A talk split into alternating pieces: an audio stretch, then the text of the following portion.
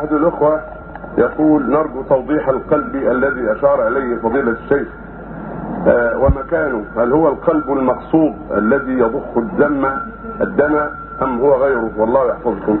الأول نشكر له شعوره الطيب ونسأل الله أن يحفظنا وإخواننا جميعا. وأن يمن علينا وعلى جميع إخواننا بالسلامة. من كل بلاء ومن كل بلاء وظلم سبحانه وتعالى. ويقول لاخينا أحبك الله الذي احببتنا له ونساله وجعلنا جميعا المتحابين في الله الذي جاءكم من الحديث الصحيح. يقول النبي صلى الله عليه وسلم يقول الله عز وجل يوم القيامة قال متحابون بجلاله اليوم وظلهم في ظلهم ولا ظل إلا ظله. ويقول عليه الصلاة والسلام سبعة يظلهم الله في ظله يوم لا ظل إلا ظله. إمام عادل وشاب نشأ في عبادة الله. ورجل قلبه معلق بالمساء ورجلان تحابا في الله اتبع عليه وتفرق عليه. ورجل دعته امراه ذات منصب وجمال فقال إني أخاف الله. ورجل صدق بصدقة فاخفاها حتى لا تعلم شماله ما تنفق يمينه. ورجل ذكر الله خاليا فمرت عيناه. الله نسال الله لنا وإياكم من هؤلاء هذه الاسماء السبعه ونسال الله سبحانه وتعالى أما القلب فهو معروف.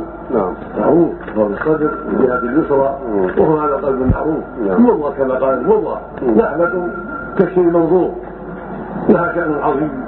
في الإنسان عليها مدار صلاحه وفساده.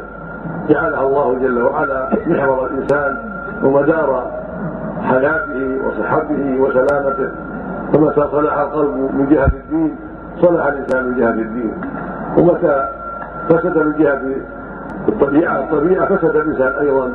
وربما انتهى إلى الموت بما يصيب هذا القلب من السكتات التي تسكت حركاته وينتهي به إلى الموت.